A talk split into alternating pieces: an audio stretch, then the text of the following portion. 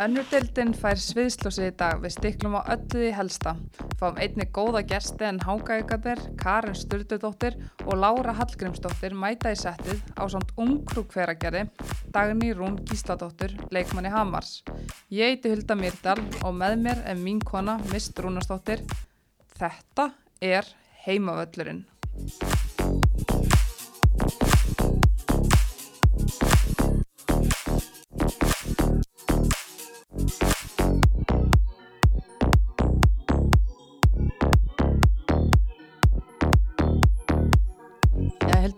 Síðasti leikur uh, tímabilsins eða ársins á Íslandi. Væntalega leikin nú rétt í þessu. Já, og úff, þetta var djöfulli spennandi. ansi spennandi. Valskonur úr leik í meistaradildinni eftir bráðabanna í vítaspyrnu keppni á móti Rangers frá Skotlandi. Það gerist ekki mikið súrara. Nei, og voru mæta þarna svakalegu liði og það voru nú nokkur kunnuleg nöfn þarna á, á skýslu hjá Rangers. Já, uh, Íslandsvinnir, Já, stykki, uh, Sanetta Væn sem var fyrir norðan, Þór Káa, Meirit Claire Fulton sem var með Keflavík og, og hérna Lorin Veit, spilaði með þrótti fyrra, þær voru allar í liði gestana. Já, og er fara heim með sigur eftir sko, er þetta ekki orðin bráðbanni í vítaspindikemninni? Jú, valskonu klikka á hvað, þremur Já. vítum, það er of mikið.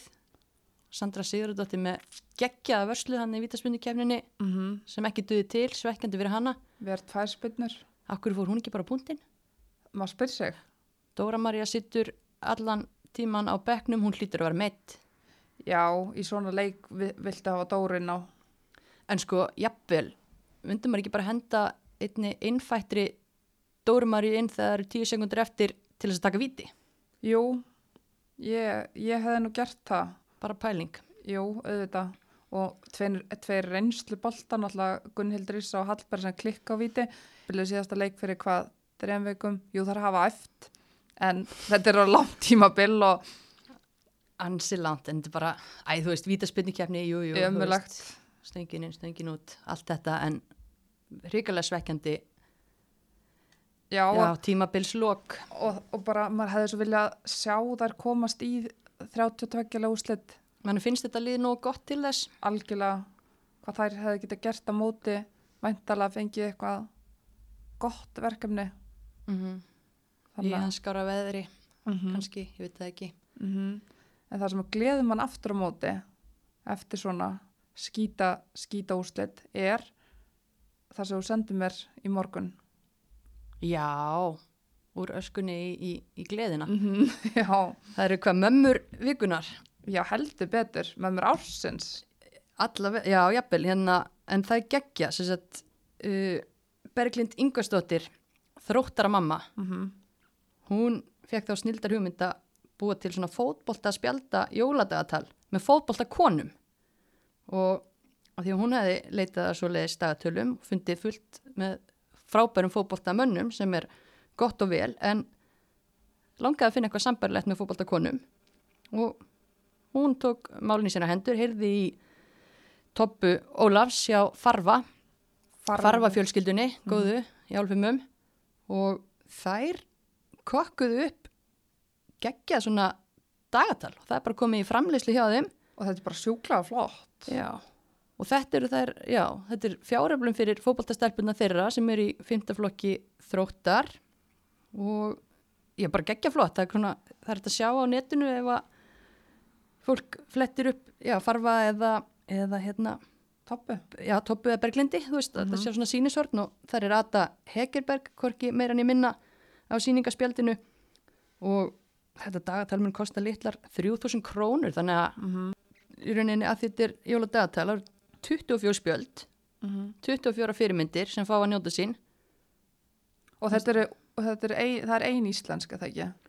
Það held ég eftir að opnbera, Ég held ég að sé það eitthvað staðar. mm, ég Á, held að þetta sé svolítið svona surprise, hvað Já, kemur upp, upp úr krafsinu, en fyrir má nú vera að þetta sé komið. Ég hefði viljað sjá þetta lengur fyrir en bara Toppa, Ólafs og Berglind við tollerum ykkur næst ef við sjáum ykkur.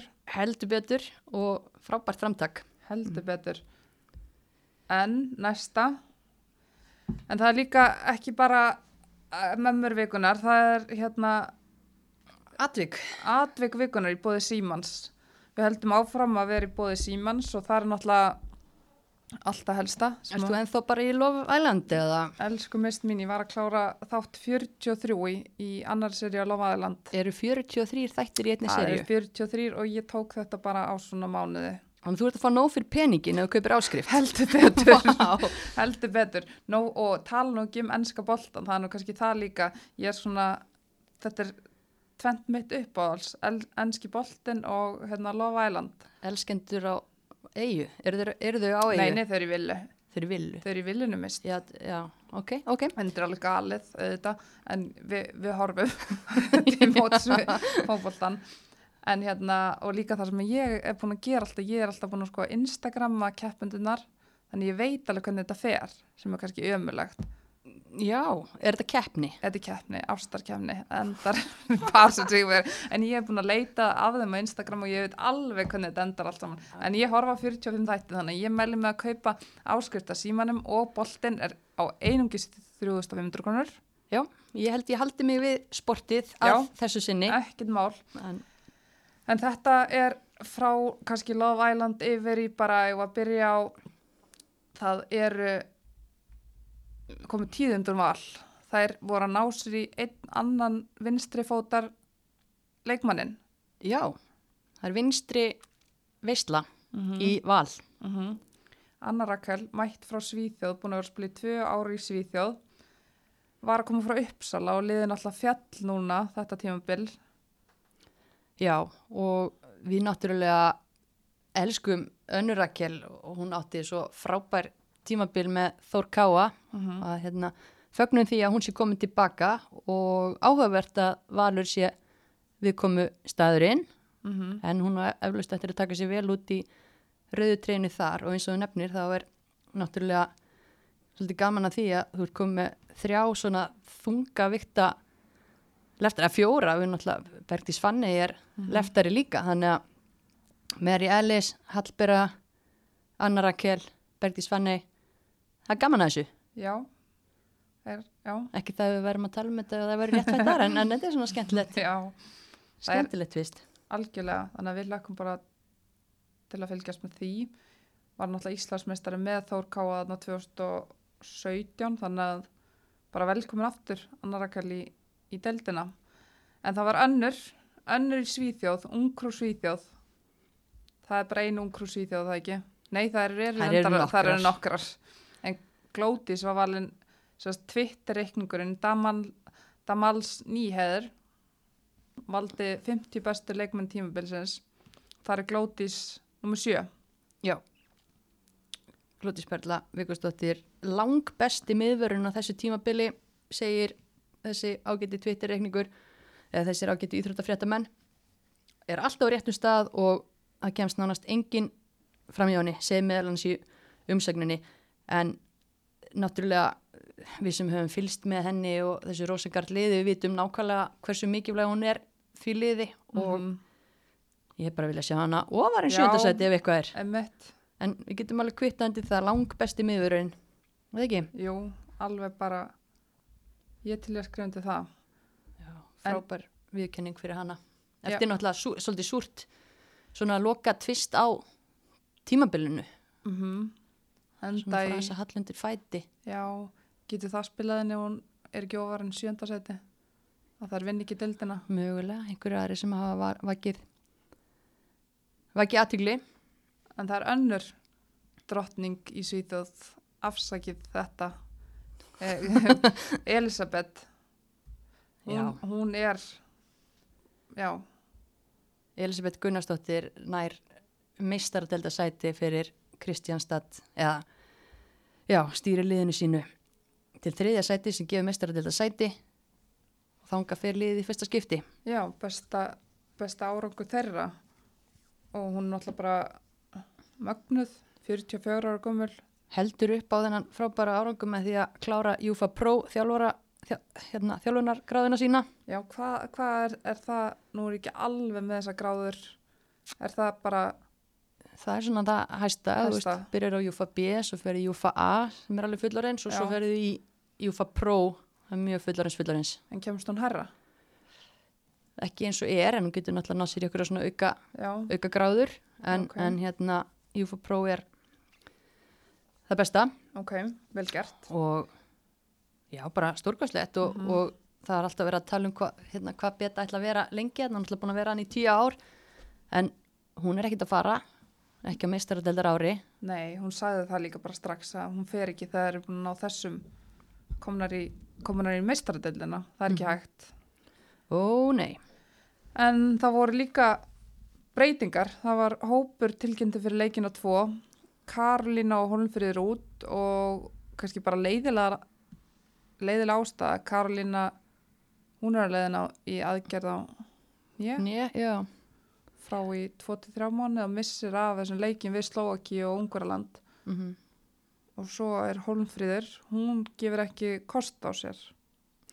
Nei, ummitt það er náttúrulega bara vond að missa þær út og Karlina er náttúrulega búin að stimpla sér mjög rækileginn eins og við höfum svo sem rætt vel í, og ítalega í síðustu þáttum og hérna en aftur um móti þá hérna opnast aftur fyrir risa kanonur, Dæni Brynjars eh, er vonandi orðin heil og kemur sterk inn í þetta verkefni og, og Rakel Hönnudóttir kemur aftur inn. Mm þannig að, að hérna Þetta er ekkit slór sem að, alls ekkit slór og ég held að þetta sé bara flottir flottur hópur í þetta verkefni þó að það sé náttúrulega grautfúlt að, að hérna, get ekki verið með. Mm en við ætlum að fara yfir hérna aðradeldin í dag. Já, Það er hérna, það er bara ekkit flóknar en það. nei, þetta var eh, bara mjög svona skemmtileg dild það var mm margt kannski svolítið óvænt í henni þó svo að, að liðin sem að liðan sem að spáð upp hafi klárað það. Algjörlega, það var svona gátu þannig séð og maður sá það bara, það voru allir að vinna alla, það voru mikið af óvæntum úrslitum Já. og bara virkilega góða. lítið um stöðuleika kannski Já, en, en, en mikið um alls konar.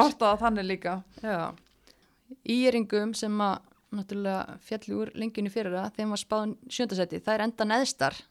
Og það kemur kannski óvart því að þær byrjuðu alveg stert, byrjuðu að vinna hann að sindra í fyrsta leik, en síðan svona, já, gera, já, gera tvö jafntefli við góðu lið og, og, og ég veit ekki, veist, það, það voru ekki skelvileg úslit hjá þeim, en, en það vantaði svona, Það vantaði að vinna li- liðin í kringum sig, það, það hjálpar oft. Það gerir það. Uh, og þar eru þarna með það fá tvær ungar frá fylki, Lovisu og Katarínu, eru að skora fyrir þær, Unnur Elva, hún var frábær í sumar, hún var mjög góð, komir á óvart. skemmtilegu leikmaður.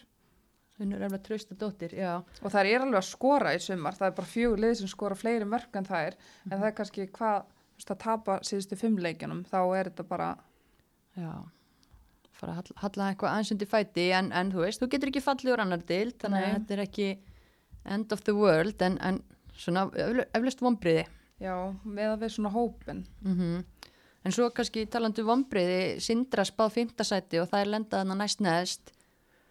Það eru náttúrulega alveg óskrifa blað eins og svo oft áður mikla breytingar og, og svona. Mm þeim gekk illa að skora, maður það fengu til sín hann að búlgarska leikmenn sem rættum aðeins í vor. Já, en þær virðast einhvern veginn ekki hafa náða að stimpla sinn, önnur þeirra fór heim held ég áður en að tímbili kláraðist. Já, allavega. Einmitt. mögulega báður, ég er bara ekki með það á, á tæru, Nei. Kynna það og þær vinna líka bara, vinna þær ekki bara þrjá leiki í sumar, Jú, og hérna þetta var svona svolítið bara ég veit ekki, þetta var bara erfitt. Enda með 11 stig skora næstfæst mörg í deildinni. Það verður einhvern veginn en er mjög ungt lið. Já, meðalaldurinn eitthvað 19 ár nýr þjálfari, hann fær verkefni, nýtt verkefni að byggja upp, hann ætlar að vera áfram með liðið. Mm þannig að, vonandi bara komin að stað eitthvað svona vegferð og, og vonandi líka bara fleiri heimastelpur sem að ekki það að þær hafa alltaf fengið tækifæri þar sem eru til staðar en vonandi bara fer þeim að fjölga og að fer að koma meir upp úr ynglflokkunum þetta er náttúrulega erfitt. Í litlu bæjarfélagi sem er svona já, talandi með Reykjavíkur augunum langt, langt í burtu. Já, hvað búa margir á höfn? pass, Já, ég veit það ekki. En gaman að sjá að Samira Súleman sem gerði óvænt félagskipti fyrir sumarið já, þekkjum þetta nafn vel, búin að vera með afturheldingu og hérna hún skiptir hérna yfir, skora sex mörg og er valin í lið ársins bara já. Og er komið með 40 mörk hérna á Íslandi í fyrst og annari deildinu. Hún skorar alltaf. mm Þannig að bara, þetta voru klók, klók kaup þarna að fá hann austur og Mhm. manni sýnist á öllu að henni líki vel þar og verður vonandi bara áfram og tekur þátt í þessari uppbyggingu uh en, En- næsta lið, næsta lið fram, þeim var spáð áttundasæti fyrir mótið og þær voru með mjög unglið í sumar. Það voru eh, um 17 ár og þær fá á sig langflest mörkin í deildinni, 47 mörk og það er bara allt og mikið. mm -hmm. En það voru líka, það voru líka þær unnu fyrsta leiki sem seint. Já, ég segi samt bara einmitt, ég vil bara hrósa framliðinu, ég held að þær hefur gert betur heldur en langflestir áttu vona á. Kristoffer Harrington alltaf býr hérna til nýtt lið. Ég menna Mhm. það voru að svala bara í vor leikmunum Einmitt. og mér finnst þetta bara hafa gengið nokkuð vel að ná sjönda sæti.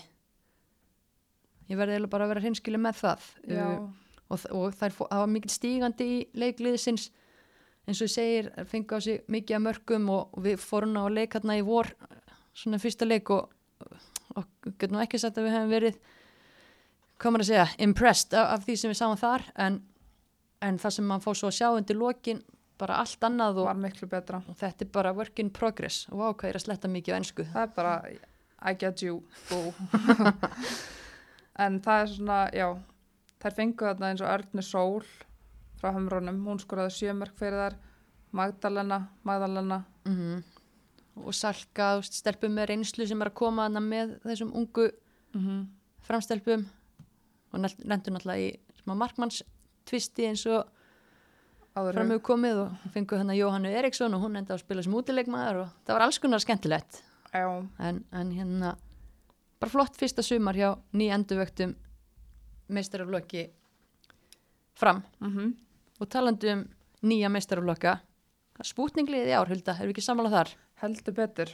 Það er Hamar, það er enda í sjötta sæti og er spáð bara fallsæti, bara, já, nýtt lið, alveg allt nýtt, spáð nýjunda sæti. Og þær voru bara, voru skemmtilegar í sumar, vinna fjóra leiki. bara svona stemning í kringu liðið. Mm ég bara einhvern veginn, ég held að það væri bara að fara þarna til þess að leika sér og, og vera með en það var þýliku tökkur í þeim. Já, og það fá einhvern veginn ekki, þú veist, það er ekki, það er engin ljót úrslit, það er að fá eitt skellan á móti íjar, sjö held ég, 0, 70 eða já, eitthvað, ekki? 72, já, en annars bara flottar. mm og já vinna náttúrulega einn og óvæntustu sigurum tímabilsins. Mm að vinna topplið háká en þetta er svona, þetta er skemmtileg blanda og sé, margir mörg nöfn sem maður kannast við, til dæmis úr, úr Selfoss, þú veist Algjörlega. Sunneva Hrönn, Íris Sverris Það voru mjög kempur, leikunum sem ég sá. En við fáum nú til okkur eftir konuna sem að stopna þetta. já, betur að hún segja okkur frá Já, gangi mála mhm. yes, en úr Hamar til Hamrana já. Hamrarnir endi fintasæti, var spáð fjóruða þær eru bara svona á pari að það ekki við Jú, það sem er, aftur mjög unglið bójana Besitt starfi stjórnvölin og í góðri, góðri samvinnu við Þór Káa. Eh, og þetta eiginlega bara bójana, það er svona eiginlega skrifað bara á þetta lið, að hún er að stjórna þessu liði, það er leiðilegt kannski að skora fæst í deildinu, það er að leggja áherslu á varnarleikin. Það Mm. fá bara á sig 24 mörg sem er 10 minna en til dæmis Hamar sem er þarna, þannig að þetta er bara bójana og varnarleikur og, og gaman. mm. en já vantar að skora mörkin og þetta eru náttúrulega mjög unga stelpur og, og það kannski, þú veist, maður sá það í þessum leikjum sem maður sá að það vantar svona dassa af reynslu oft til þess að klára hlutina því að sko hæfileikalega séð þá eru hamrarnir bara í mjög góðum málum mjög mikið af flinkum ungum og efnilegum stelpum sem við möttum að sjá og taka betur eftir næsta árum engin spurning Mm Algjörlega. En þá er liðið fjórðasæti sem var spáð sjötta sæti. Það Já. er, það er líklega elsta liðið í deildinni. Það er meðalaldurinn eitthvað um 26 ár. Þetta er Altanes. Mm Það Og- já, vinna hennar sjöleik í sumar. Mm Og líka, þú veist, það er kannski byrjuð þetta ekki nógu vel. Það er skítabeila fyrir Grindavík 6-0 og 7-1 fyrir Háka sem eru liðin fyrir ofan. En svo koma þær bara í setni umferðinni og, og hérna gera miklu betur. Já, ég sammála, því að við vorum svona efins fyrir tímabili eh, við hverju hérna við ættum að búast, af því þær hafa alltaf verið kringum þetta fjórasæti, það er svona svolítið þeirra, Mhm. þeirra staður, en eftir þessa byrjun þá hugsaum við bara, nei, ok, þetta er árið þar sem að alltaf rinnur í jörðina, sko, en Já. það, svo var ekki, og þær fá líka bara, þær fá sko 13 stig úr síðustu 5 leikjanum held ég þannig að ef að þær hefðu spilað til jóla þá væri þær leiklega bara, vinna Pepsi Max. já. Þannig að og erum við bara eins og bara Rósa Sigrúnu auði hún skora 6 mörg fyrir þær. Mm hún er er hún ekki ferstug? Festu, jú, Já, geggjað. Feiknaformi, gott hjá þeim að fá eddumjöll, hún hérna skoraði helling, þannig að mistu Sölku Ármanns yfir í fram, þannig að vantaði svona að hérna, fylla hennar skarð Mhm. og svo einmitt Mónika Hlíf tók aðeins þátt líka eftir að hafa verið hjá K.R. síðan sumar var svo út í námi eða ekki eitthvað Jú, hún var K.R. fengin í K.R. aðna 2018 úr IR já, og komin aftur, eða komin aftur, hún komin á Altanes. einmitt, en já bara sterkur loka sprettur hjá áltnisingum Já, heldur betur. En svo er það kannski, já, fjárbi höttu leiknir, það er endi í þriðasæti, þeim var spáð þar, um, þær eru sárar og svektar, Heldur. að, já, Skilða bara vel. móti náttúrulega flautaði af áður en að öllum leikjum hefði verið lokið, en þær voru nú samt í þannig stöðu, þær hefði getað jafnað liðin fyrir ofan að stigum, en þær hefði þurft að skora 20 og 2-3 mörk hérna áfram í lokaleik. Já, það er einhvern veginn svolítið og mikið að mörgum í einu leik en það er voru bara þetta var svolítið skemmtilegt þarna eins og fyrir, fyrir austan þar fá þarna höllu Marinós til dæmis á Sigmund, Sigmundinu Mm og þrótti. Kalli ringir í þær og þær eru bara til í þetta að fljúa í leiki og vera með.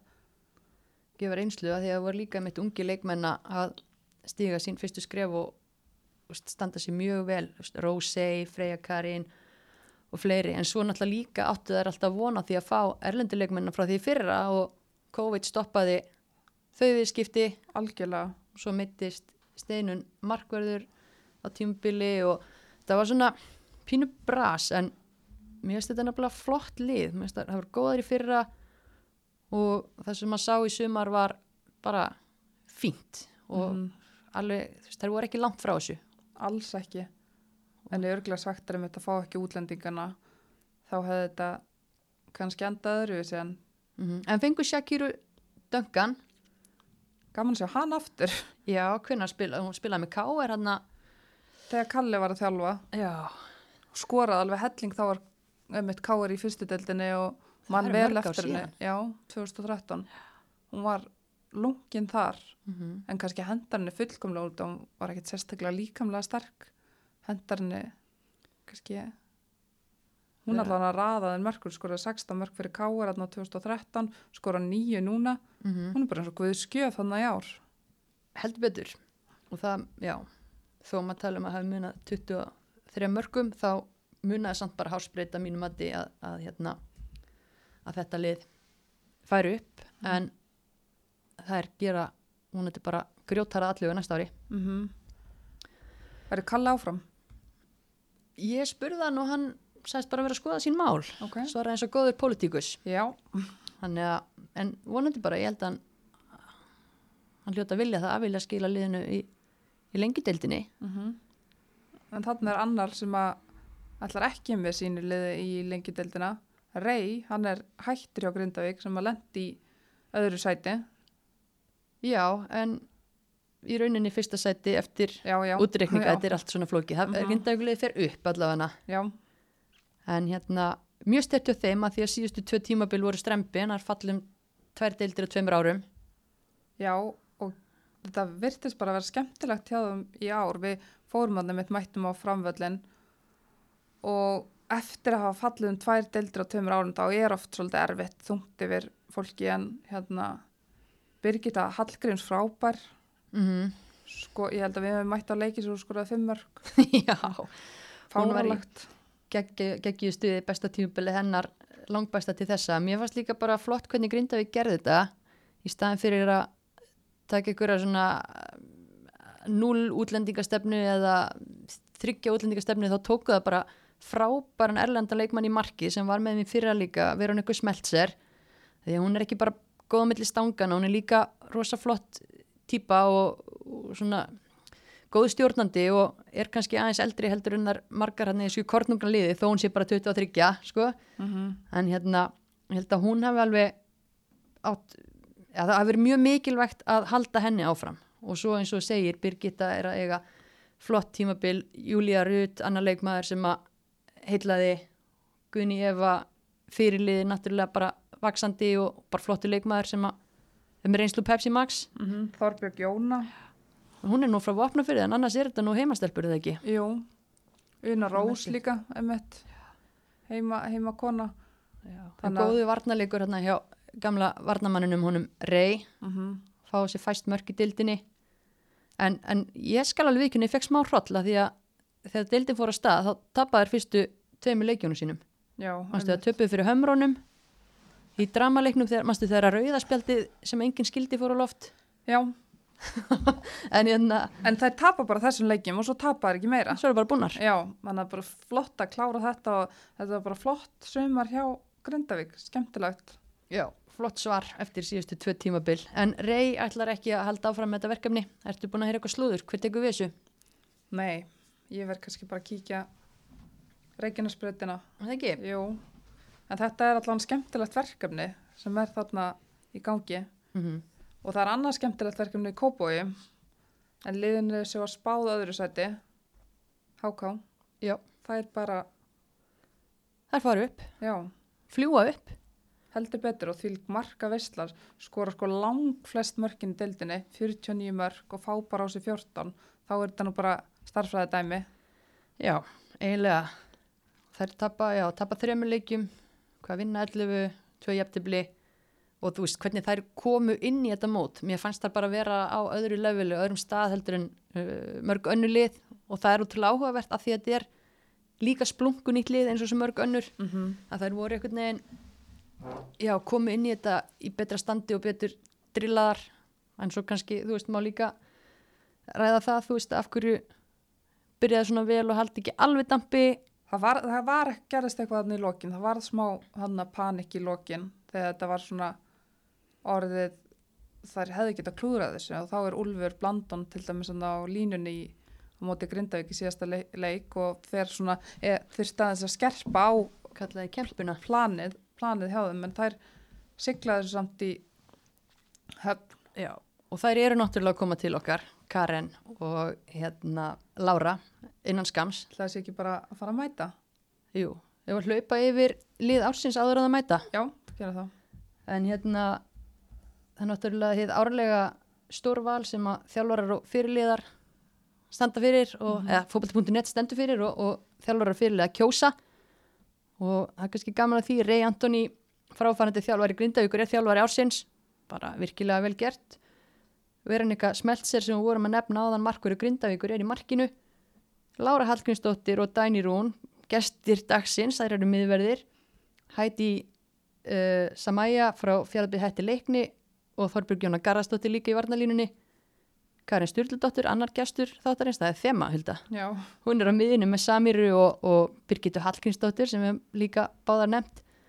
Marja-Lena Áskisdóttir markahæsti leikmaða deildarinnar leiðir framlínuna og Shakira Duncan sem við rættum áðan og hinn efnilega Freyja Karin Þorvaradóttir eru báðar í þessu liði. Heldur betur. og Því, þetta er þvílitt lið. geggjalið og margi mjög góði leikmenn sem komist ekki í byrjunarliðið. Já, Isabella Eva til dæmis fyrirliði hérna Háka og Guðni fyrirliði Grindavíkur og marga fleiri. Þannig að það er fullt af góðum leikmennum í þessari deild. Mm og en best var Karen Sturludóttir. hún var best. Já, og já ég held að bara, bara vann það með nokkrum yfirbörðum sko. Hún er bara fá, fáranlega góð í fótbolta og mætir aftur eftir núna pásu búin að eignast sitt annað batn og bara ónar þetta. Mm -hmm. Lýsfélagi hennar Marja Lena Áskeisdóttir uh, verið hann efnilegust.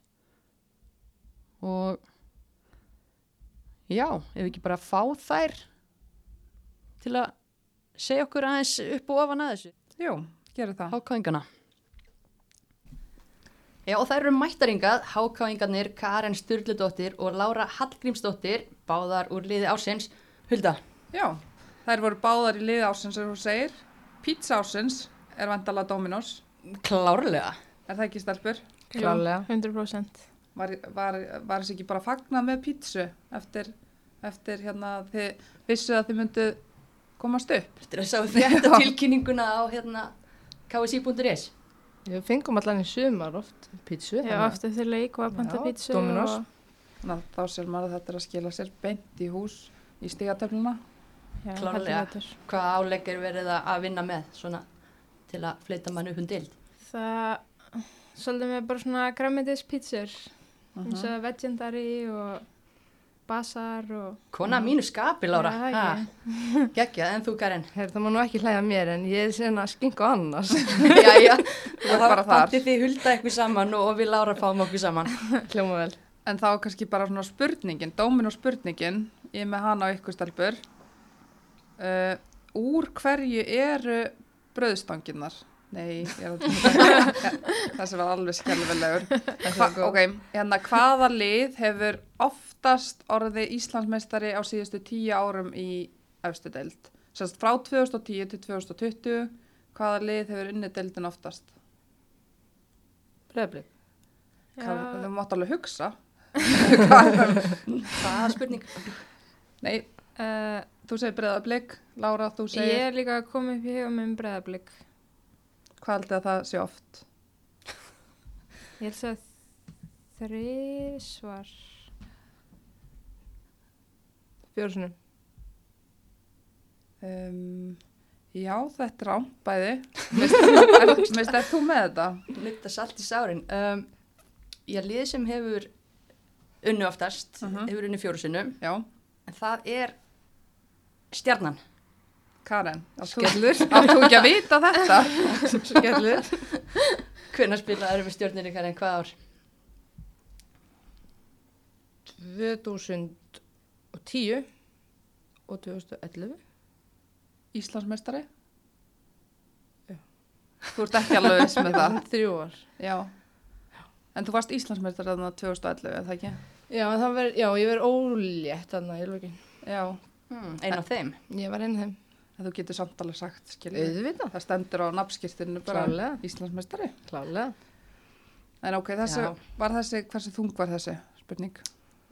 Svona að skella þessu beint framann í gesti sem voru að setjast í sett, þá myndi ég segja að þetta hafi verið harkalett sko.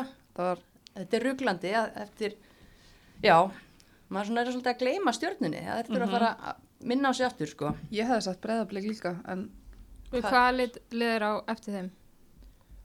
Það sé ekki blikanir. afsækið.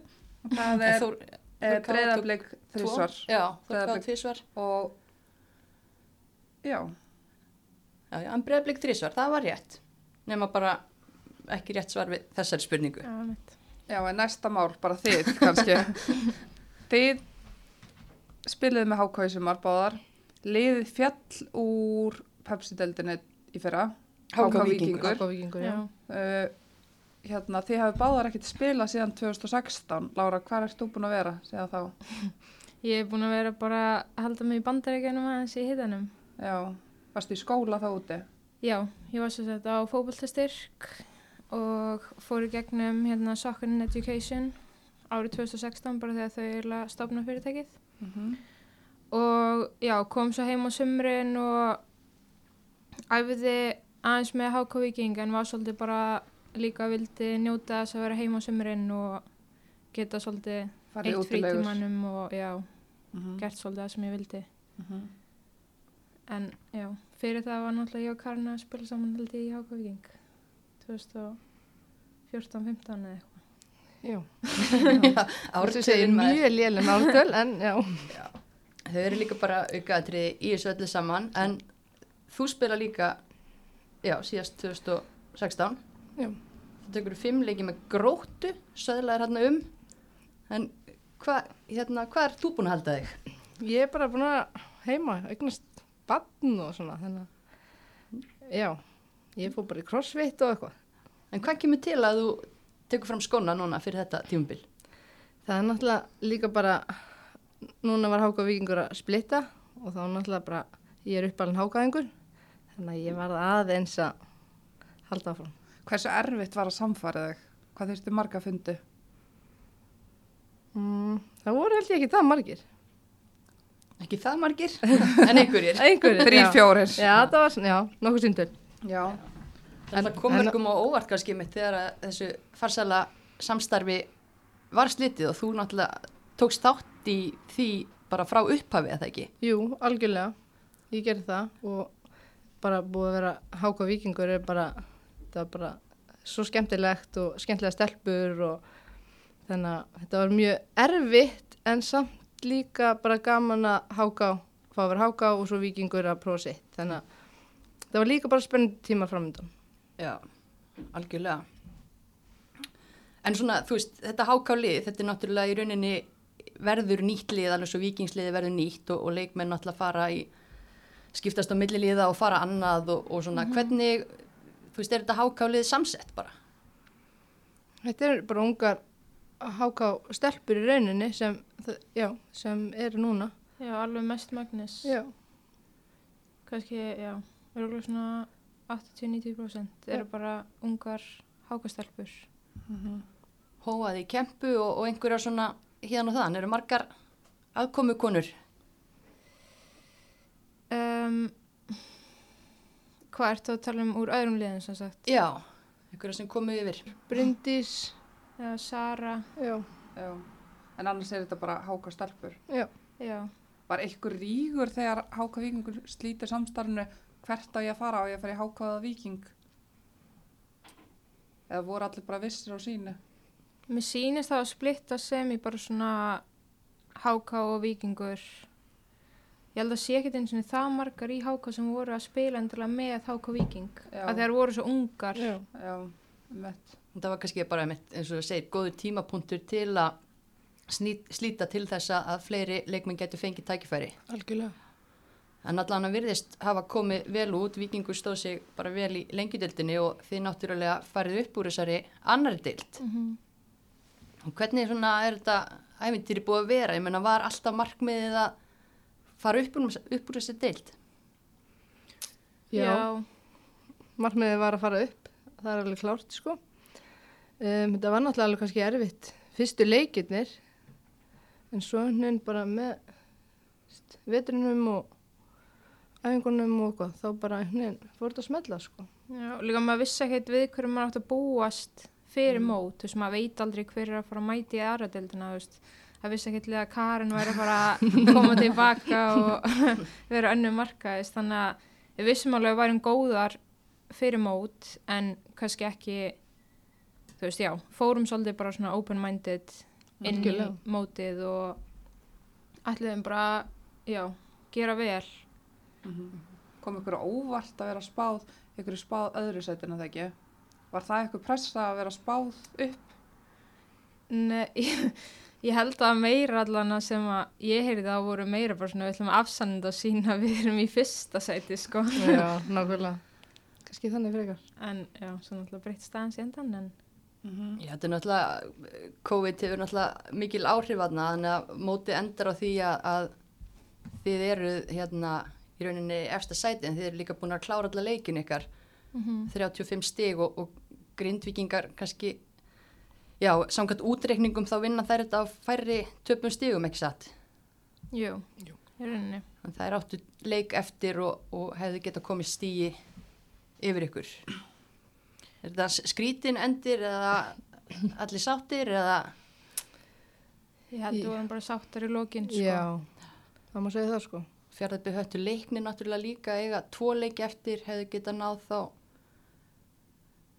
já, það ykkur að reiknað? stigum en, en já, Já. ykkur 20 mörki pluss þannig að þú veist það er svo sem kannski, það geti ekki verið ofsvektar Nei, en síðasta leikurinn ykkur á móti Grindavík var það ekki, Mhm. þá það er jafntefli Já, og eftir leikin þau voru svona svolítið tvístígandi hvort þau ætti að fagna eða var það rétt skilja á mér úr stúkunni? Já, það var alveg þannig út af því að fjárðabæði hefur þurft að skora svo mörg mörg þannig að Mhm. þetta var í raun kannski komið hjá okkur já. það en samt er svo vond að fagna 99,9. þegar þetta er ekki komið Já, já. á reynd þannig að það er alveg samt- byggðið svona í smá stund og svo allt í hennu byrjaði eitthvað að syngja já, og já, eitthvað. og við fögnuðum alveg sko. Já, Ég held að líka bara til við vissum að þú veist, einmitt eftir þennan leik að Grindavík gæti komist yfir okkur. mhm, Þannig að á smá, svona, smá svekkindi en samt voru við eiginlega búin að tryggja okkur upp. Þannig að, já, ég held að það var svona, já, ég get alveg trú að áhörundur hafi verið smá ég var alveg lost. rugglaður, þau voru ekki búin að kynna sér þetta nú vel. Nei, Ég var að reikna og svo bara, akkur fagnaðar ekki það er hérna þeirra 20 mörg. nákvæmlega, Það já, er ekki fara að gerast. nei, Nei, þetta er svo mikið svona eitthvað jinx Uh Já. en hérna, nei, þetta var svona ég held að það hefði verið rétt að taka ákvörnum að fagna þarna já, og Já, við klárlega. fögnuðum vel inn í klefa þannig að Já, við Já. gerum það. það verið svona að vera góð stemning mitt í kringum liðið ykkar er, það, Já. er það rétt lesið? Já. Já, ég held það. Hver, það. hver er að rífa stemmingun upp inn í klefanum? auðvitað ég, Já, og með þér, Lára og einhverja fleiri, einhverju sem er alveg ómissandi í klefanum. ég, Hrafnildur er náttúrulega og Marjan og Já, Marja. já, já, já, þær Svo eru allar Alla skemmtilegar. já, þær eru það En er ykkur á, er ykkur á þínum aldrei aðna, Karin? Nú ert þú jafnkomin mér fætt 89. Er ykkur svona, hversu mikið eldri ertu en næsta koni í liðinu? Er þetta leiðileg ég spurning? bara, nei, einu ári held ég, hún Laufi, Elisa Já, Nei, já. hún er 93. Ætlar að hækka hann eitthvað? við vorum bara, Hún er ekki 90. Tók ekki Mílina fram skona líka eitthvað? Já, Mílína nákvæmlega. Já, já, já, já, bara. Hann Ég ekki rata gleyma út. Mílu. Sko. nákvæmlega þannig að, Og hún kemur að aftur um mitt sumarið. já, Hvernig kom það til? Hún er náttúrulega þjálfað þetta ekki hjá HK Jú, svona viðriðin þetta já, Hún hún var ég að taka við núna þriðja flokk hvenna. Ekki? Já, og af hverju hendið henni ná? Eða svona, við vorum lengi búin að reyna að fá hana sko mhm, og hún var- þann- þannig var bara einhver tímbúndi sem hún var til í að koma og aðstofa okkur sko mm. Ég held að líka gullfótur. smá einhverjir komin eitthvað aðeins meðsli. Mhm, já, Og náttúrulega bara geggja að fá hana svona reynslubolta inn í og já, hún var bara tilbúin að gera allt til að hjálpa okkur. mhm. Þannig að, Já, en svona þegar mótið hefst, þið vinni hérna alla leiki, þú veist, þið fáið ekki á okkur mark og vinni bara 3-4-0, þetta er endalist hérna 7-1, þið að byrja aftur að spila þið tvær allavega, hugsiðu bara, heyrðu þetta verður bara easy, easy sumar. nei, alls ekki sko maður vissi alveg að þetta er ekki auðvelt. Og, og líka það, það kom líka okkur óvart skilu að við vorum að skora og skora og Mm það var ekkert gefið að við myndum sér svona stórt sko. Ná, þið náttúrulega, þú veist, hvenar er að taka síðustu æfingarleiki fyrir mót? Út af því að náttúrulega lengjubikarinn datt út út af COVID og svona, þú veist, fannst ykkur eins og að vera að renna svolítið blind í sjóin kannski eða? ég tók bara einn æfingarleik á móti ír og svo tókum við annað á móti afturöldingu í byggarnum og svo byrjuðum við bara deildina. já, heimitt Þannig að ég held að sem all liði náðu við hvað eru gleðum eina æfingarleika eða eitthvað. já, Já. ég man ekki alveg svona en já, eitthvað sér svo en þið hafa verið fljótar í ganga allavega fyrir en margir aðrir, greinilega. Já, vorum að góða prógrami aðna og já, Já, Karin, þú varst í CrossFit, já, Þa, það er einhver sem segi, sagði mig það að þú værir í betra formi núna eftir tvö börn en þú varst, þegar þú varst með stjörnunni að ég er spila. bara alveg sammála því Getur þú sagt bara hvað er uppskriftin að því? Akkur ég er betri núna Já, já.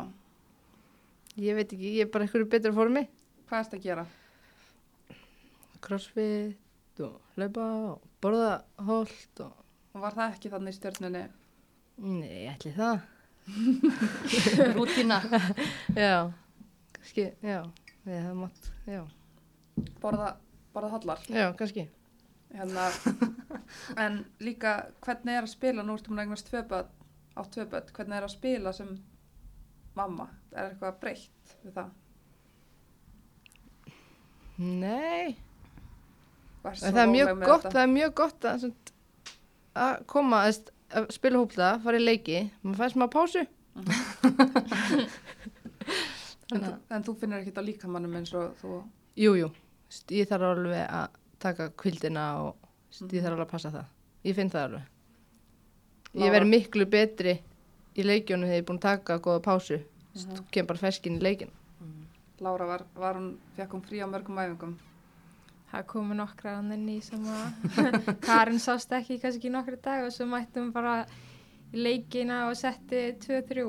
Einmitt, hafði ekki áhrif. Þú skoraðir fullt af mörgum í sumar, bara ennþá, ennþá með tötsið frá því í, í gömlu dag, þú ert náttúrulega langmarkaðasti leikmaður HK Víkings eða ekki frá upphafi Jú, ég held það. og hvað, skoraði marknúmer 103 eða ekki á ferlinum hann í sumar. Jú, Það er ekki slæmt. nei, það er fínt. Það er hérna, nei 105. Já, taka þér tvö. En 13 mörk í, í sumar, ég með varstu búin að setja þér ykkur markmið varandi markaskorun fyrir sumarið? Mm, nei, í raunin ekki. Af því að ég var, ég var í- nýri stöðu líka núna, þannig að markmið var líka bara að reyna að, að koma með stóðsendingar og svo leiðis. Svo bara koma mörkin og það var náttúrulega, það var bara gaman. Mm -hmm. Varst á miðjun í sumar Já, og hvernig, það er náttúrulega augljóslega gengur vel, þú ert valinn best í deildinni eða kosin af, af þjálfurum og, og fyrirliðum. já, ég fann mig mjög vel á miðunni. Það var mjög gaman, aðeins að fá að djöflast um og hlaupa. Mm. Þannig að það var bara mjög gaman. En þegar þú fjast fréttir af því að þú hefði verið kosin best, komaðu þér á óvart eða vissir þú að vera með þetta? það kom mér mjög á óvart, verð að segja það. Þannig að já, svona voru svona gömul og en það kom mér mjög. Já. En líka frábæra mikið á góðum stelpum og þannig að, já, Já, þú ert allsæl með þetta. mjög sátt, mjög gaman. Góð viðkenning á tímbilinu og, og Lára, þú ert nú líka í liði ásins, fegst líka mikið lof fyrir þína framistu, þú varst að spila í vörninni. já.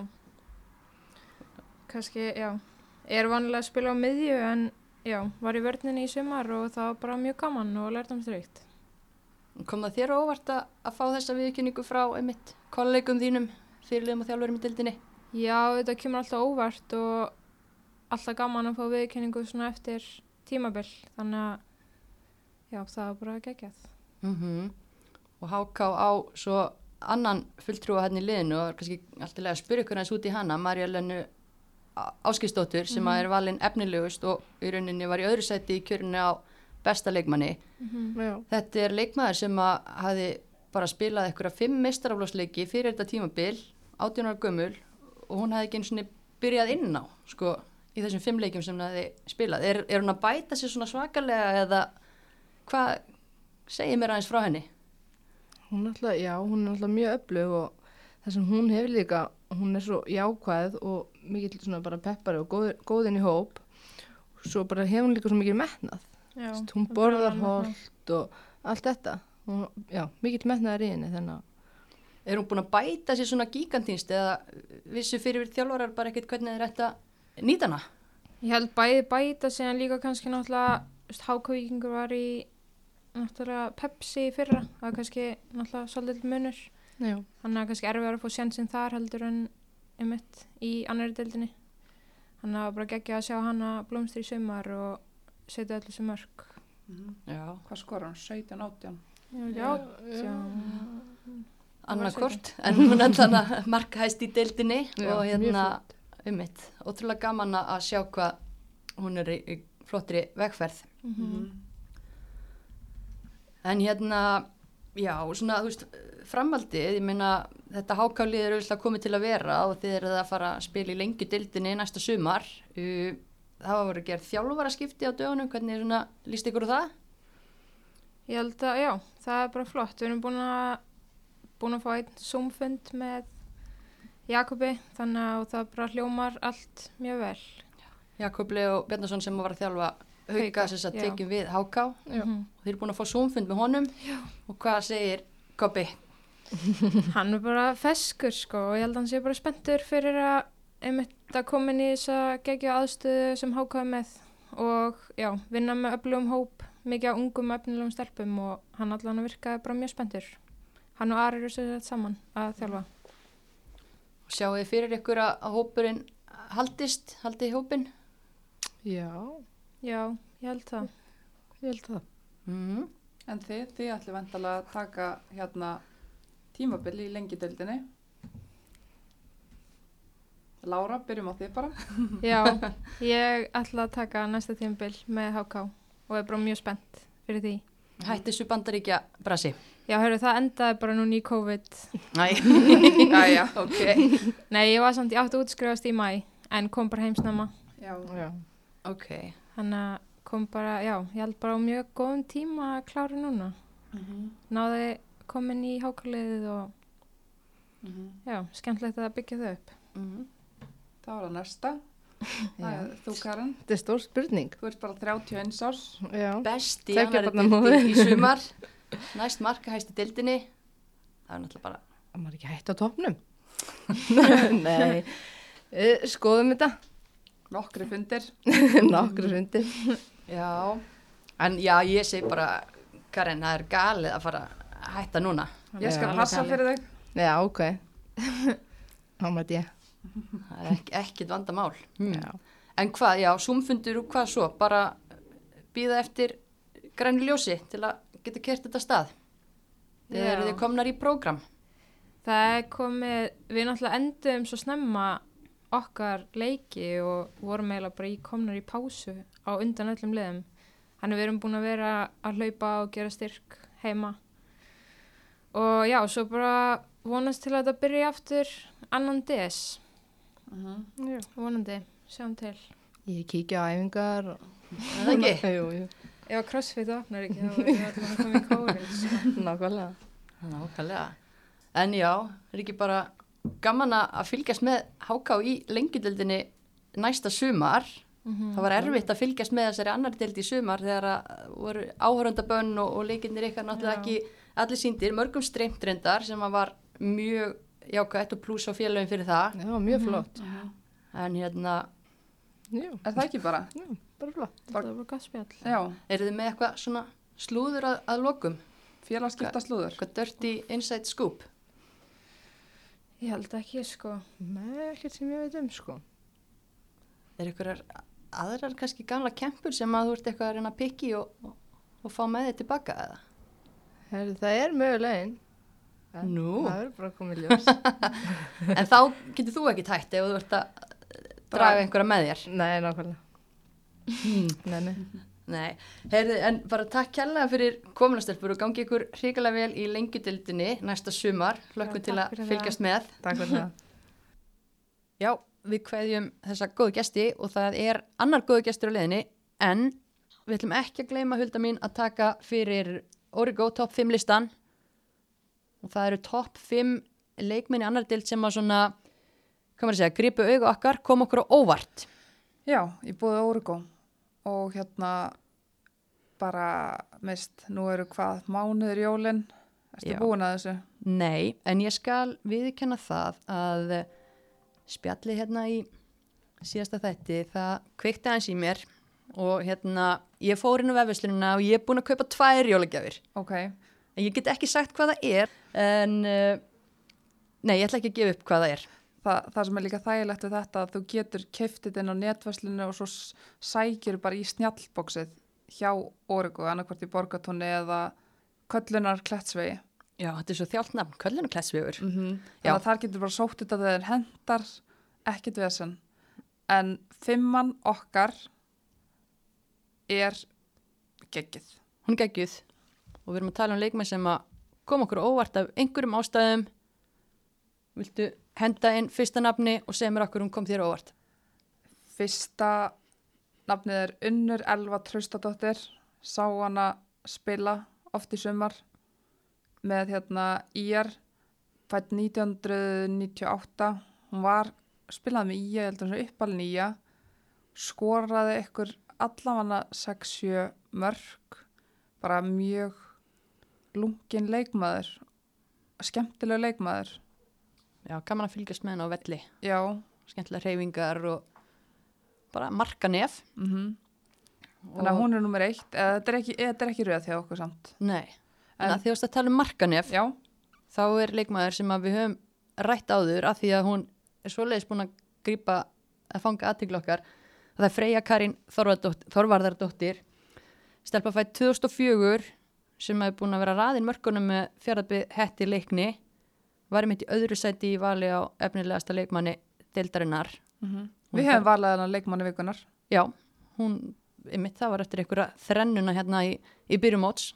Þá svona áttuðum við okkur á því hvað hún gæti og hún hefur bara haldið áfram að heilla, ekki gefið tommu eftir og stelpa sem að augu okkar verða áfram á. Og hún skoraði, er hún ekki þriðja markaðelst í deildinu held ég, Mm með hellingamörkum. Heilanhelling. En á ég að koma með eini viðbót. Jáp. Ég ætla að henda þessu á Unirós Unnarsdóttur í Grindavík. Excellent choice, Vilda. Mm Hún er fætt 2002 og hún er með 11 mörk í 15 leikjum en það er ekki bara út af því, við erum ekki bara að horfa á mörk hérna, við erum að horfa líka hæfileika, tækni, hæfileika og bara, já, bara geggjuð í fótbolta. Við erum pottið eftir að sjá meira af henni. Já, við tókum eftir henni fyrra, það var erfitt sumar hjá Grindavík í lengjudeldinni í fyrra og mér er svo gaman að sjá þegar leikmenn taka skrefið, taka meira pláss, taka meira ábyrð og ég laka bara til að fylgjast með hennar farvegi því að þetta er allt upp á við. Mm -hmm. Erum klárið lengjuna. Kottnung. En þú tekur það næsta.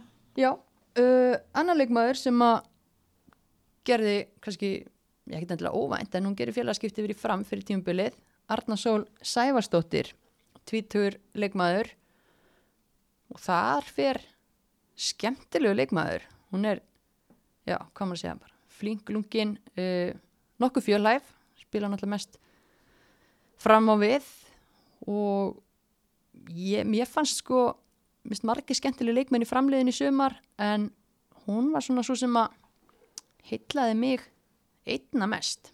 Fekk hún ekki flest, hún fekk atkvæði í, á öllum stöðum á öllunum. já, Getur þetta passað?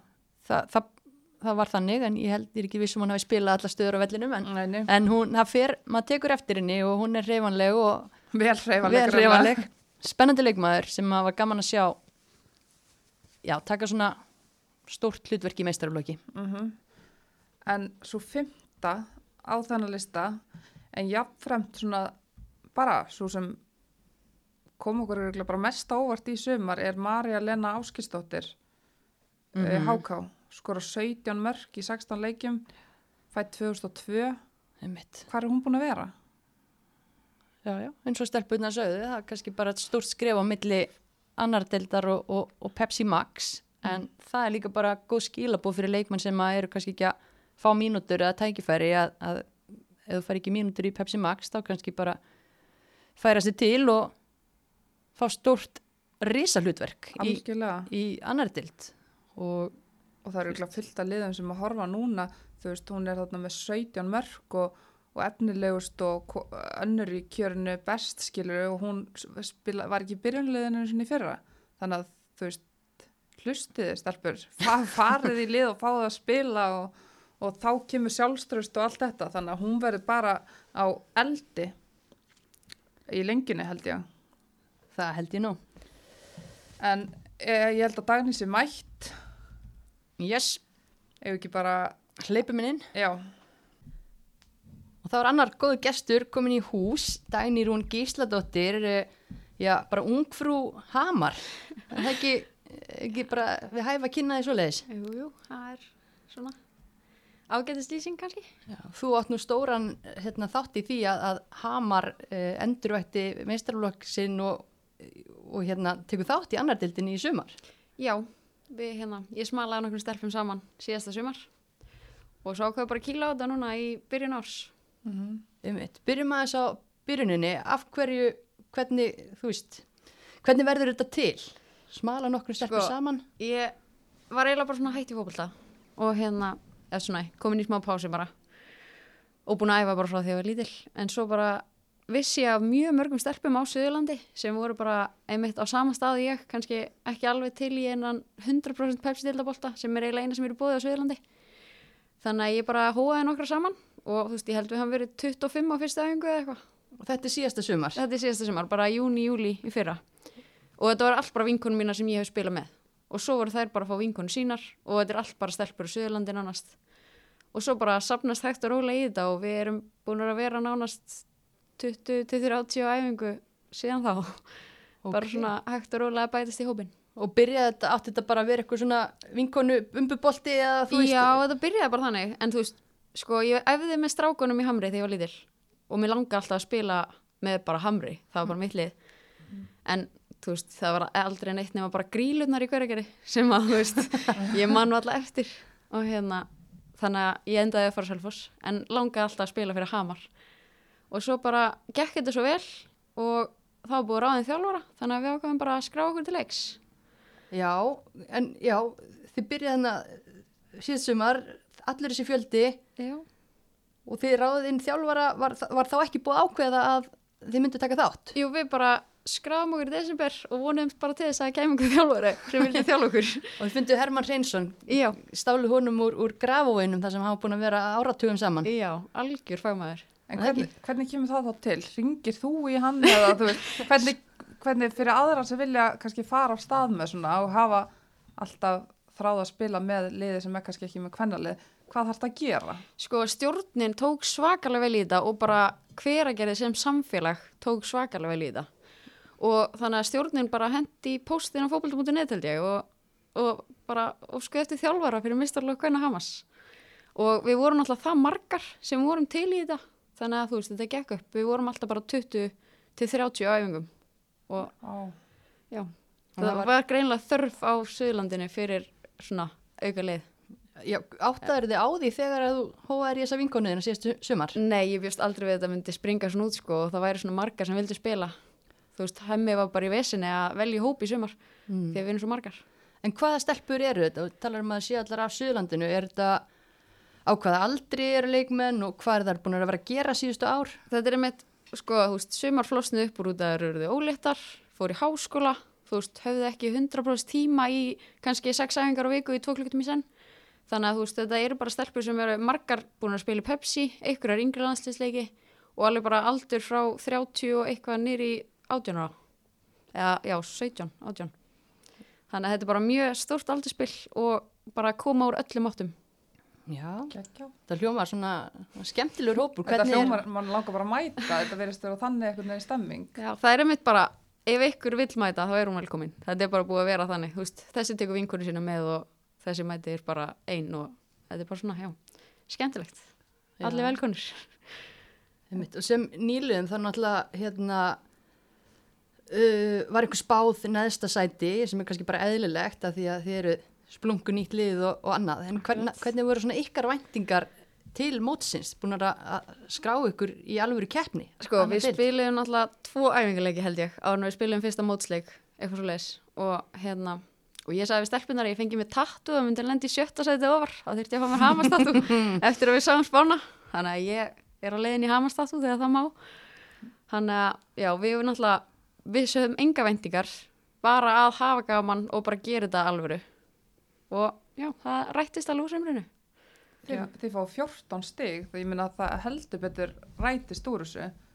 Var það, þið endið í sjötta seti, fyrsti sigurinn, þið hérna spilið er það ekki tvo leiki og kemur sigurinn ekki í þriðju. uh, Jú, þriðja leik held ég Hvernig var tilfinningin bara fyrir þig að vinna leik með Hamar? Þetta var bara svo trillt sko.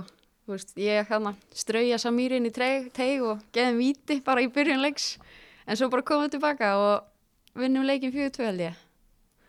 Og þetta var bara já við erum líka bara með góða stuðnismenn það mæta margir og þetta er náttúrulega allar áttir, þetta er Kólsvöldur, Hella Selfoss, Tólásöp, hver ekki það er bara úr öllum áttum. Þannig að við fáum, erum með góðan stuðning á baka okkur. Spilið á, á gríluvelli Já, það var nú reyndar daldi, nú manni það bara maður stöttir þurfti ekki að færa leik frá ykkur hérna, Já, þetta var svo mikið bull.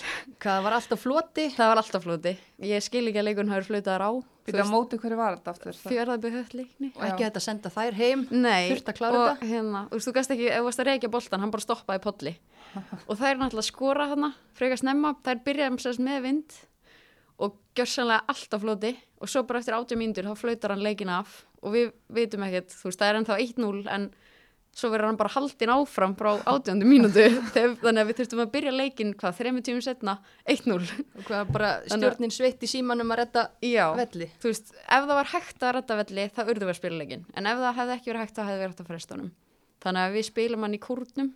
Og svo endur eina því að meiða sig og við þurfum að býða í hálftíma eftir sjúkrabíl og þetta var bara, ég hef aldrei verið í að blöngu fótballtaleik þetta tók allan daginn. Þetta, já, þetta er alveg svona kannski bara skemmtilegt tvist á þetta eftirminnilega tímabil hjá ykkur. Já, hvað svona heilt yfir, hvað stendur upp úr? Að vinna háka á 1-0 það voru ekki búin að tapa leik og ég held að það ekki verið búin að fá sér mark þegar við unnum þær í umferð eða fyrsta leik setna umferðar eða hana, setna hlutan þær 1-0, fáum víti á 70. mínúti eða eitthvað já, það, Það var mikla bara- óvæntustu Já. úrslit. skjörsanlega trill Einmitt, þær voru búin að vinna alla leikina sinna frekar stórt. Já, voru held ég búin að fá þessu svona eitt mark á móti Altanes eða Já. eitthvað, en þið einmitt, vinnið þarna 1-0 var þetta var planið að vinna leikin Það var ömurleg bara- spurning, spurning sko, í háluleik þegar það var 0-0 þá voru við alveg svona, ok, við getum alveg fengið stig út úr þessu leik, veist, við getum alveg haldið hreinu. Nú þurfum við bara að skora, eða þú veist. Og svo fáum við hann að víti sem var allan dag víti, en svo bara við að halda hreinu. Þannig að veist, það, ég, þetta bara já, þetta var magnað. Já, þetta er, já, þetta var svona besta upplifunin í sumar, myndi ég segja. Því að það var líka allt vittlust Ég trúi því. Og sjötta sætið, það er náttúrulega eins og segir fram af vonum, þú hefði kannski ekki lofað tattúi ef að hérna, Nei, ég held að markmiði hafi bara verið að lenda ekki í næsta sæti. Og það tókst. Gott betur en þá, hvað á að smetla þessu tattúi? Heyrðu, það er ekki alveg komið á hreint, við erum finna þrjár saman tvær viðbót sem að skelltu sér með mér í þetta. Við erum sérst þrý, nei við erum fimm úr hveragerði í liðinu. Restin er bara Suðurlandi. Já, ok. Þannig að við erum þrjár hvergeringar uppáldar sem ætlum að henda okkur í hamastatú mm Vá, þið verðið að senda okkur mynd þegar þið eru búin að hérna, Já, við gerum láta þessu verða, nú fara tattústofunar að opna. Já, við erum bara að skella okkur það er spennandi. En hérna, hvernig er þá bara stemmingin eins og fyrir næsta ári? Þú veist, búnar að afsanna það að þið séu ekki bara liði í neðsta sæti. Þú veist, hver, hver eru vendingarna fyrir næsta tímabil? Sko, er náttúrulega bara að byrja því að reyna að halda kjarnanum því að þú veist, það getur svo oft bara flosnað upp úr fyrst, þú veist, hæpið í byrjun. Mm -hmm. en svona miða við hver er alltaf að halda áfram, þá verður þetta allavega góðu kjarni áfram. Og það er alltaf bara að gera betur. Þú veist, það, við erum alltaf ekki að setja okkur eitthvað sky high markmið en bara, já, gera betur en síðast. En veist, við völdum hekluvíkunar Heldur betur, og það vill svo skemmtilega til að hún situr hérna hjá okkur. Það er ótrúlegt. Ok, Já, Dani, þú ert sannlega hekla, hérna, heklan okkar í dag. Uh, við bara höfum dáðsta drifkraftinum sem að, hérna, já, þú hefur og, og hérna, að taka bara málinn í sína hendur og, og stopna fótboltaliða því að það vantar þennan vettvang. Það er bara til hábórinar fyrirmyndar. ég fekk nú góða hjálp frá góða vinkunum, sko Já, já, en, en hérna, þú eru að taka mikið kredit.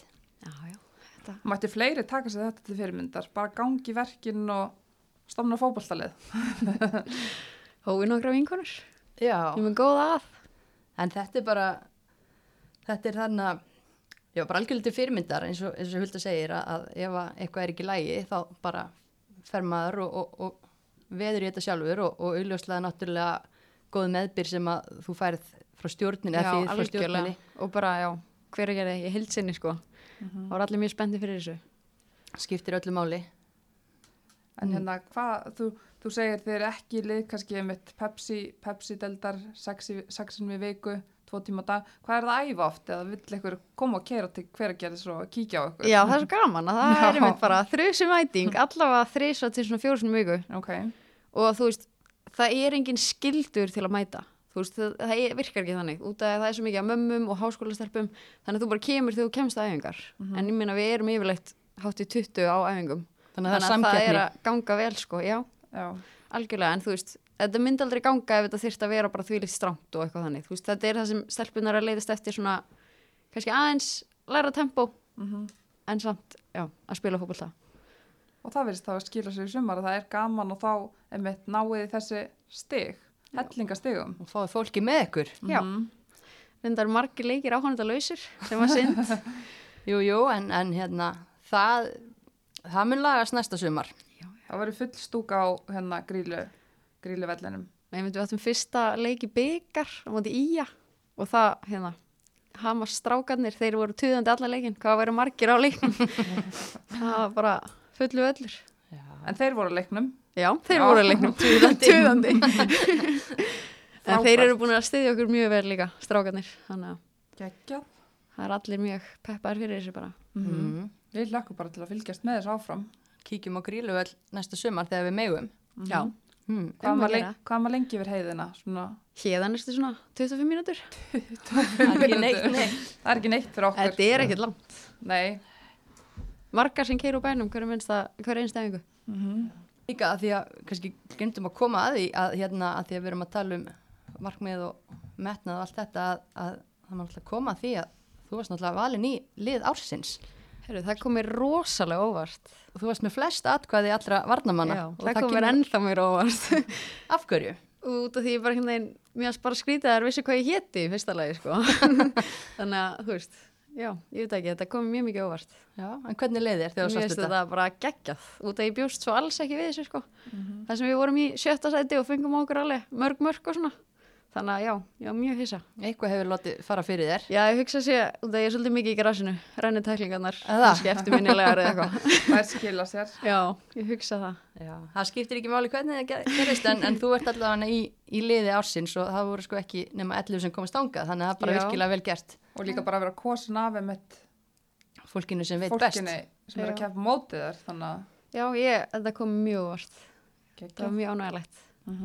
En hvaða liði, hvað, uh, bara eitthvað leikmaður í sumar eða lið sem þér fannst svona erfiðast að mæta? Sko, leikmaður, þá komst Samíra gjörsanlegin í hausin á mér. Ég veit ekki ekkur. en þannig ég endaði með því að strauja hana hann neyður inn í teik. Það var svona minn vesti leikur bara, en þú veist, svo náttúrulega komum við tilbaka í setna hálfleik. En annars fannst mér erfiðast að spila mútið. Mér finnst það best rillaða liðið einhvern veginn. Já, Já, fólk er að tala um það og það hefur kannski kannski verið svolítið lengi í gang en, en hérna skipulaðar já. og, og sterkir leikmenn líka vel rillað leið sko. Mér finnst það mjög góðar. Og Þú fara að mæta þeim aftur næsta sumar því Já. að þær, sitja eftir með, með sártenni Maður hefði alveg viljað fá þær upp, sko. Fjögur ferðarlegu næsta sumar. Já, reyndar, það er, það er hérna, kostnæðaliðurinn sem að við erum að byrja undir stjórnina núna ert þú í bókaldinu líka? Nei, sem betur verið ekki. Það er náttúrulega, við til dæmis fórum á höfn og það var bara brass, við endum að rútan bilaði, við þurfum að byggja tvo tíma eftir nýri rútu og svo þegar hún komin á höfn þá brotnaði líkillin í skráni og við næstu við þurftum að gista á höfn en það kom ykkur allt múlið mann og redda þessu, þannig að ferðarlægin voru svona, já. En þetta eru eftirminnilegustu Já, stundunar, kannski ógísla pyrrandi á meðan á þessu stendur en, en þetta mann maður. Já, já, já, þetta er bara skemmtlegt. En hvað sunguði í rútunni? Crazy bastard. Þetta er fyrir nýfum blöð. Það er svona okkar lag. Crazy bastard. Ég ætla að spila næst þegar fyrir yfir heiðina bara. Er það ekki? Jú. Um að gera. Jú, en hérna bara geggjað að fá þig og, og takk fyrir að segja okkur aðeins frá Hamars ævintýrinu og, og hérna og takk fyrir bara að vaði í verkin og, og hérna setja fótballtalið í gang Já, bara takk fyrir að fá mig. mm og við bara setjum Crazy Bastard á, á fónin og förum yfir heiðina næstu sumar beint á grílu öll Beint að grílu og maður heyrist alltaf vera ævintýri þannig að við lendum pottit í ykkur ævintýri Þetta verið geggjað. Og endum í kórnum Takk, takk kærlega fyrir að koma. Já, bara takk fyrir mig. Er það ekki dagskráin tæmt hjá okkur í Belihulda? Jú, ég held það bara. Bara æðislegt að fá að heyra í þessum leikmannum um sumarið. Það skrýtna sumar. Mm -hmm. Þetta greinlega var samt drullu skemmtilegt líka þannig að Algjörlega, gaman að fá þær og gaman að hitta þig, mín kæra. sem leiðis alltaf ánægja. Takk fyrir að hlusta, kæra fólk. Takk fyrir okkur í dag.